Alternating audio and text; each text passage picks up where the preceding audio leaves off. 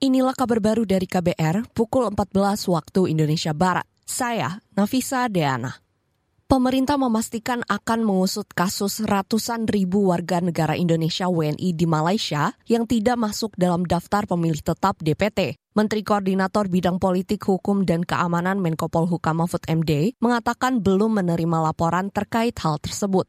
Belum, saya baru mendengar juga, tapi nanti kita dalami. Itu itu soal KPU, tapi begini ya, eh, soal penetapan DPT dan sebagainya itu kan ada tahapannya. Tahapannya bukan sekarang, udah jauh lewat itu ya. Nah, bahwa ada yang tidak masuk itu bagaimana ceritanya biar dijelaskan oleh KPU. Ya KPU itu lembaga independen, kalau memang ada yang tidak benar kita ndak ini kita sampaikan.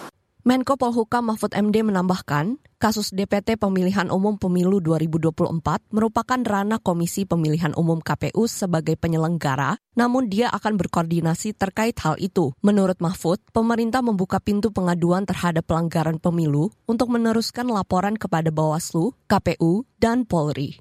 Bergeser ke informasi lain, Pemerintah Kota Solo, Jawa Tengah menyatakan wali kota Gibran Rakabuming Raka izin tidak bekerja hari ini. Juru bicara Pemkot Solo Herwin Nugroho mengatakan Gibran memenuhi undangan Badan Pengawas Pemilu Bawaslu Jakarta Pusat. Menurut Herwin, pemberitahuan izin tidak bekerja itu sudah diajukan ke pemerintah Provinsi Jawa Tengah.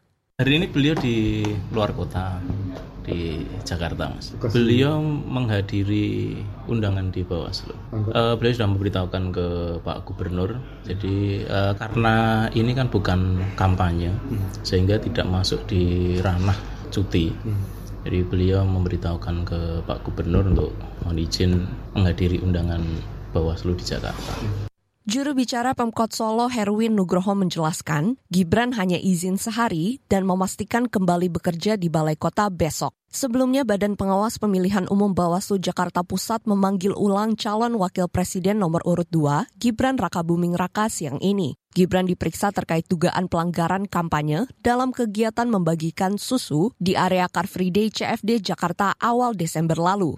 Kita ke berita selanjutnya.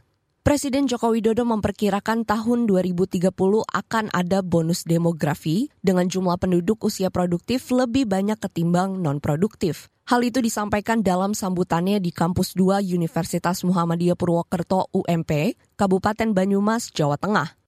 Kita di tahun 2030-an, 2035-an ini akan mendapatkan bonus demografi yang kita harapkan kita bisa mengambil manfaat dan bisa melompatkan negara ini menjadi negara maju.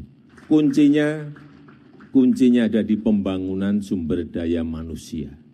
Presiden Jokowi mendorong semua pihak menyiapkan talenta untuk mengembangkan keterampilan yang mendukung pembangunan sumber daya manusia. Selain itu, dia menekankan pentingnya pembangunan karakter sebagai kunci pembangunan SDM, salah satunya melalui pendidikan di perguruan tinggi.